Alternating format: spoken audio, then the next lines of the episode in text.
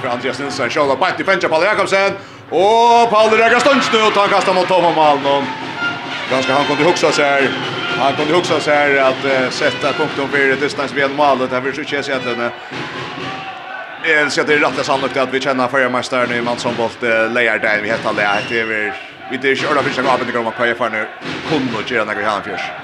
Nej, nej, inte då så det ut och Paolo nu blir någon lofta en skott och och kastar sig ett mål och och och rakt så ståndsna men det är ju som Eh, Hej, beskriv väl väl från aldrig att han först loftar en skott och så manglar bara lucka han sett bollen i kjolen. Mattias Nilsson äger till högre och så fram bollen fram i Paula. Kommer tatt under vägen av, vi tacklar Näka, men där får ju stäcka honom och så Lösa skott ja och ta stussar back fram i foul line 33 Andreas Nilsson alltså vi mål nummer 2 Waverda. Kjensla han skorar Meyer, för liksom han han är han är liksom skatt nog snäck kontrakt.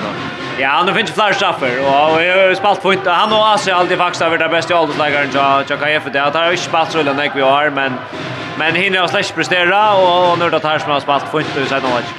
Han fjärsar nu alla Bejon Gord Johansson mitt spelare vart Roa Shiva går så alltså back. Åh, bollen läser, kan jag få han, kan jag få han. Och Andreas Nilsson hickar mot vänster här Baldur Gittlason. Han blir ansvar upp i Vettlund och så får han vidare till höger väl spalt Niklas Selvik och han skorar. Stossa bollen under. Karl Jakobsen för mycket mål till Lions 34 20. I am not the choose kon det där. 1 minut och 20 skott efter.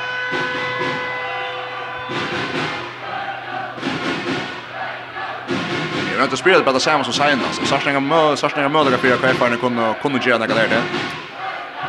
Så Paul Jakobsen etla Peter Krog, det skulle ändå tvär skier till. Det är alltid vi må vara så längt att se att han var också ordentligt av vi ska jag ska några möjliga. Det är det är så stor månaden lite. Er er halt så sekund efter 1.34 till Heina Fjärs och så skjuter där mitt fyra rätta Svein Rolfsson som skorar igen. 2 och 3 skott mitt fyra och Öjle varsla ut i mittlen och skarner. Annars är vi hoa ger en eckline. Det är ganska mont till kanske träffa finalen vi såg bäj man så kunde hon bolt i fjör. Så är inte lucka fått höll i kväll. Och det är ganska näsan när vi uh, man inte vant att det här står spännande. Ja ja, det är nog månaden alene som som ger det. Vis kan jag efter dem så vunnit sig nästa till att det var enda jag eller la plus 8 eller så så är det nog väl fler fast men men möjliga veckor jag spelar sen. Det är ja. att det får förnyta komma till Kottarfjärar av Bikt vill säga. Det kommer Frivei att Pinto det Men så vill det kommer norran fra också. Så här kan jag förstå det. Fri vei i Kjern Pitta, Lutzen Mørsti, den kjemmer pura fri venstre og minkar mun til 2 og 3 til 5 og 20, så blir det tjei mal. KF vinner rundt ved 17 halvleg vi ein og male, men ein øylig måneder at det er. Vi da tidlig sammen om noen av løte, vi kunne, jeg vet ikke, vi tar nega etter å eh vi blir å kjønns dags leikere, det er alltid jeg er nok, så. Det er lukka latt til Esfer, kjenner Ja, ja, det er rett og Paul Jakobsen, det er en knivet, det er den helt store måneden. Ja, vet om vi får Brandt Holtbrink att det sätta året det är ju att hon man ska göra det. Så få kanske Julian Hansen kanske någon så kött över kanske få en reaktion. Annars kan han hänga till. Så han ja. Så jag tar Jim Julian kunde ha kört han Han för han häver en torp för torfer för uppgåvan. Hon var torp för Arren och hon blir bara som torfer att att skulle få en på 7 snäpp 15 någon. Ja, nu ska jag försvara Jolla. Jag hade någon mån är bara så så stor där att det är så mycket gott li att det tror han sagt för att kontakten som in på till han kommer vi så så så så är det inte käras. Det är det förstår man och ni någon och för en goal like our us nine förslin. Ja, vi får bara spela han bena vägen Julian, han har pjuskat det här alltid till Hörmia. Julian att det är nog så grejer och ser i FF någon 2 och 3 till 5 och 20 och vi sitter sen dröna också kan man ska ge till tro på chocken så jag kvart kvart ska jag hur hur upplever du så stöna Nej nej vi tappar mot en bättre läge och kan gör du det som för så vid senast och vi vet att hvis vi skulle vinna mot Röjvsjögon så ska allt rycka chocken och vi skulle varje match eh kvar fall halda dem bättre än vi gör det i duellspelen och det gör vi det inte och ja det det det tungt och ta färdigt alltid vara tungt. När man spelar mot läggaren som Ola och Paula som som har varit här spurskompetenser i i i man man spelar vi kunde pröva era varianter och vi snackar ju om det.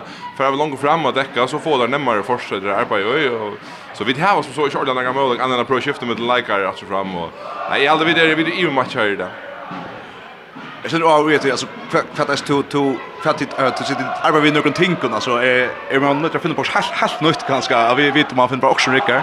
Ja, alltså så för exempel vi står en part av distan där och distan senast rycker det är vi faktiskt lätta strikna lite läsa ut med 2 tror jag packa bara alla de alltså packa om här som bulten är och vi 8700 800 och backa in efter. Men inne i mitten så så möter man lägaren som som som har lugat klara bröd och ta kottnar och ta ta robot. Alltså jag kunde stanna så mån också står och tar två time out också till det hade 20 mot och så där kan kan looks för attacka Germans så vänner för för också att att få också på få stäcka tills vänner. Nej, alltså vi måste pröva alltså i halde vi pröva allt det som vi häva komma vidare. Så kan man se att jag vill vara 20 örna. Tack kan alltid hända i en ombossystem men vi vi spelar rummet tolja tjej mot 6 för att för för att komma så närmare till chanser.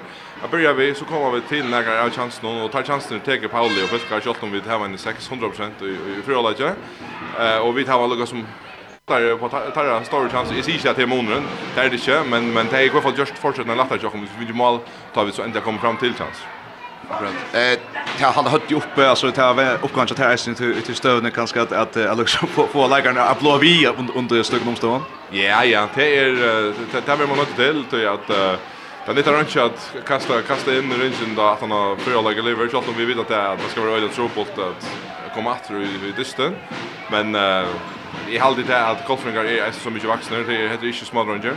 Tar vita väl själva det att det hade inte gått något och tar vita som med att vi spelar mot en gång lie som kanske ett av bästa lie som någon i varje hvis om det sista allra bästa.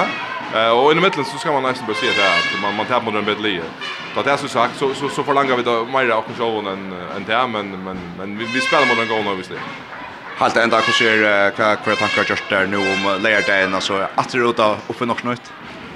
Ja, kan nu ska det lugga här att det är hästen och där kan han ut och för mot rätt att han vill toucha mål så några pissar mig så det ska det lugga få ut och vi kanske vi en storm glas av vatten så får jag bli också sin taktiskt. Du ska för prata Julian vid Glenn Ström kvar det till lärdagen. Sier så Julian Johansen, KF-venjare, Åja, ja, friendly. Vi får få fätren här så här drar runt i frakan. Ska vi ta på vinnaren tja, vinnaren tja Heilandfjärs, Simon. Och så slår vi ett över i att hosa Dangst.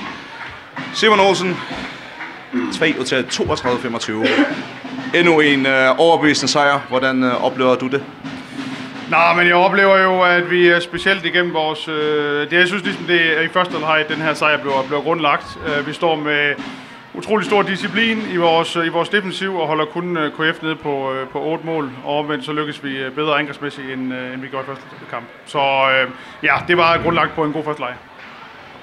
Hvordan er det at at stå vi vi ser to kampe hvor I har øh, mægtig stor forskel altså tidlig i begge kampe. Hvordan hvordan hvordan hvordan arbejder du med at altså fokuserer på at at liksom blive ved altså jeg jeg ved ikke forstå hvad jeg mener men holde holde holde intensiteten op. Ja, men det snakker vi meget om. Altså, øh, og vi, vi vil gerne blive ved med at holde et højt koncentrationsniveau igennem øh, hele kampen, øh, fordi at øh, kampen er først slut, når der er gået 60 minutter. Øh, så, så det snakker vi meget om, at vi skal blive ved med at holde hinanden op på, på energi og, og koncentration, og, og den vej igennem sikre øh, et, et godt resultat. I spillede pokalfinale, jeg spillede to FM-finaler, altså så overbevisende. Er du overrasket over, hvor, hvor, hvor, hvor godt det går? Nej, jeg ved jo godt, at vi, øh, vi, vi, øh, vi har et rigtig godt hold. Øh, der er stor kvalitet, der er stor bredde, og øh, nu har der været snakket meget omkring det her med favorit, og, og hvilke hold er der, er der pres på. Øh, og jeg synes faktisk, i bund og grund har det jo, det har jo taget en vild regning i retning øh, mod os, og jeg synes faktisk, det er ganske imponerende, at det er lykkes øh, KF'erne at underspille deres rolle i så høj grad, som, øh, som de har. Øh, faktisk generelt igennem hele sæsonen, øh, men specielt under, under FM semifinalen. Hvis man egentlig tænker på, at de er det hold, som op til den her sæson har været øh, hvad hedder det, langt mest øh, aktiv på, på spiller, spiller trænermarkedet, og, og med de oprustninger og investeringer, som, øh, som de har gjort, jamen så synes jeg faktisk, der ligger et ekstra pres på dem for at skal vinde det her FM-guld. Når nu heller ikke det lykkes dem at vinde pokalturneringen, eller sågar komme, komme i finalen vi taler meget om, når vi ser på kampen, på, om jeg spiller, altså alle de unge spillere. Øh, når du kommer herop, det er vel din anden sæson. Er, det, det, det må være en fornøjelse at arbejde med, med, med sådan nogle talenter. Ja, men det er jo en fornøjelse for hele os i staben jo. Altså, det er jo vigtigt at sige, at vi er jo en stab omkring det her hold, øh, som, øh, som hver dag forsøger at, at give spillerne de bedste forudsætninger. Øh, så ja, vi har jo som stab, øh, hvor jeg har nogle rigtig, rigtig dygtige folk, en, en kæmpe fornøjelse i i dagligdagen og træne øh, og være omkring de her spillere, som, øh, som for hver uge egentlig sætter nye øh, højder for dem selv, og jeg synes, der bliver skabt en god intensitet og, og arbejdsomhed i træningslokalet, som også ofte udmærker sig i øh, nogle gode præstationer i kampen. På lørdag, I er favoritter. Bliver, bliver I mestre? Det håber jeg da. Øh, det håber jeg, men øh, vi ved også at øh, at der venter en en en en svær opgave. Øh, jeg synes stadig KF er et rigtig godt hold. Øh, de har et øh, de har nogle dygtige spillere, øh, som hvis de rammer dagen, så er de det hold som øh, som kan gå ondt på os. Øh, men øh, indtil videre har vi har vi været dygtige imod dem, og øh, kan vi være det igen på øh, på lørdag, så øh, så tror jeg på at der er en god chance for at vi kan få FM-guldet til Højvik det bliver spændende at følge. Tak for snakken. Tillykke med sejren. Tak. Se så Simon Olsen. Skal vi runde helt kjøtt over i alt det? Det er altså... Ja, Heidenfjørs favoritter. Allt är rönt att säga KF ner han han har lätt att då det litt störst spil og måte. det. Jag är också at man ska göra vi jag fått kallt kanske har haft latt spel så det är det störst liv en alltså average så att här är det risa risa favoriter.